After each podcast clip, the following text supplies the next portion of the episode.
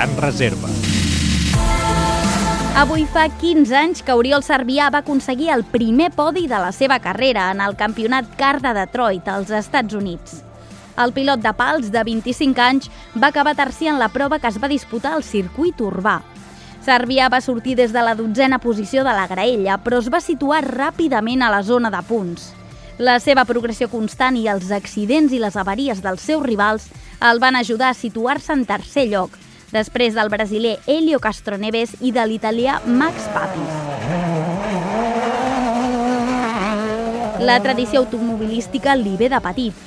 El seu pare, Salvador Servià, va ser campió d'Espanya de ral·lis dos anys consecutius i la seva mare era la seva copilot habitual. Servià va entrar per la porta gran a les curses nord-americanes, el mateix any que va aconseguir el seu primer podi, va puntuar en 11 de les 20 de què constava el campionat i va quedar segon en el trofeu Gin Truman de pilots novells.